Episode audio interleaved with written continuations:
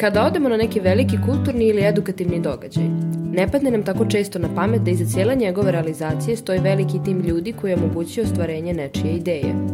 Velike su šanse da ovaj tim najvećim delom čine volonteri, čija motivacija nije novac, nego prilika da se učini nešto korisno za zajednicu. U nastavku poslušajte priču o novosadskim volonterima, o značaju rada usmerenog ka zajednici, ali i o tome na koji način je volontiranje i psihološkog ugla važno za pojedinca.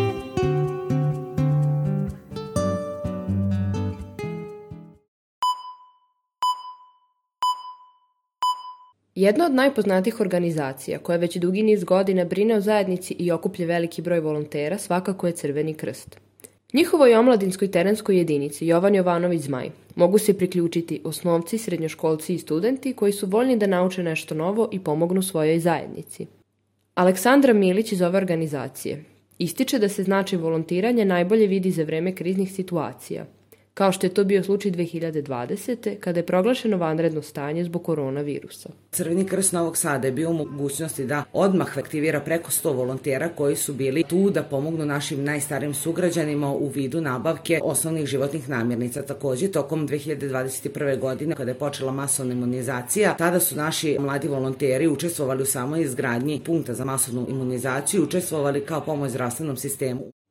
Osim Crvenog krsta, mladima je priliku za uključenje u aktivnosti u toku pandemije pružio i Novosadski volonterski servis. Na ovaj poziv odozvao se i Nemanja Marković, koji je do danas ostao aktivan u ovoj organizaciji. Kako kaže, pomaganje drugima je njegov doprinos zajednici, a pomoć je uvek potrebna. Smatram da tako mogu doprineti zajednici i na nekim lokacijama gde inače možda ne bi mogao da pomognem ljudima kako smatram da bi trebalo, da li da ih uputimo u smeru kojim treba, da li prosto da im poželimo lep dan kada uđu na neki događaj, ali kako god smatram da uvek treba pomoći na neki način. Novosadski volonterski servis prvenstveno je usmeren na kulturne događaje, ali okuplja volontere i za aktivnosti iz drugih sektora, kao što su ekologija, sport i zdravlje. Rukovodilac servisa Vojislav Prekosovački kaže da je na njihovom portalu prijavljeno više od 2000 volontera – Jedna trećina prijavljenih se redovno uključuje, a druga povremeno, u skladu sa svojim slobodnim vremenom. Poslednju trećinu čine oni koji su se prijavili na servis, ali još uvek nisu naišli na poziv koji ih interesuje.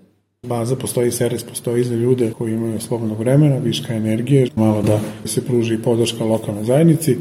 Da bi neko postao volonter, dovoljno je da se registruje na našoj platformi nvs.rs i sa prvim sledećim mailom dobije informaciju o otvorenoj volonterskoj poziciji. Većina mladih novosađana, bez obzira na to da li su nekada volontirali, veruju da se kroz ovu aktivnost čine dobra dela i stiču važna nova iskustva. Mislim da je volontiranje super stvar. Ja sam volontirala u osnovnoj školi i proputovala sam jako puno zbog toga. Kada se dobro organizuje, to je jedna odlična stvar, a kada je loša organizacija, onda bi možda mogla da bude malo više štete nego koristi baš cenim i volim volontiranje. Jako bih volela da odem u Afriku na neko vreme da volontiram. Ne volontiram ja lično, e, želeo sam ali nikako da se nateram, ali imam jako veliki respekt za ljude koji to rade, zato što samim tim što im nije novac, motivacija zapravo znači da stvarno vole to što rade i žele da pomogu u svetu.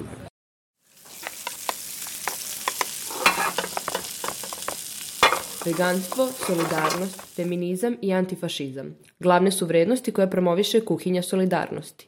Ova inicijativa pokrenuta je 2020. kako bi se obezbedio obrok za socijalno ugrožene sugrađane. Svakog utorka i subote volonteri kuhinje spremaju, pakuju i raznose hranu po celom gradu. Volonterka Zoja Maričić kaže da se uprkos posvećenom vremenu i trudu uvek osjeća kao da je mogla uraditi više – Novi volonteri potrebni su stalno, jer se povećava i broj korisnika kuhinje. Ona objašnjava da im se može priključiti svako, bez obzira na prethodno iskustvo u kuhinji.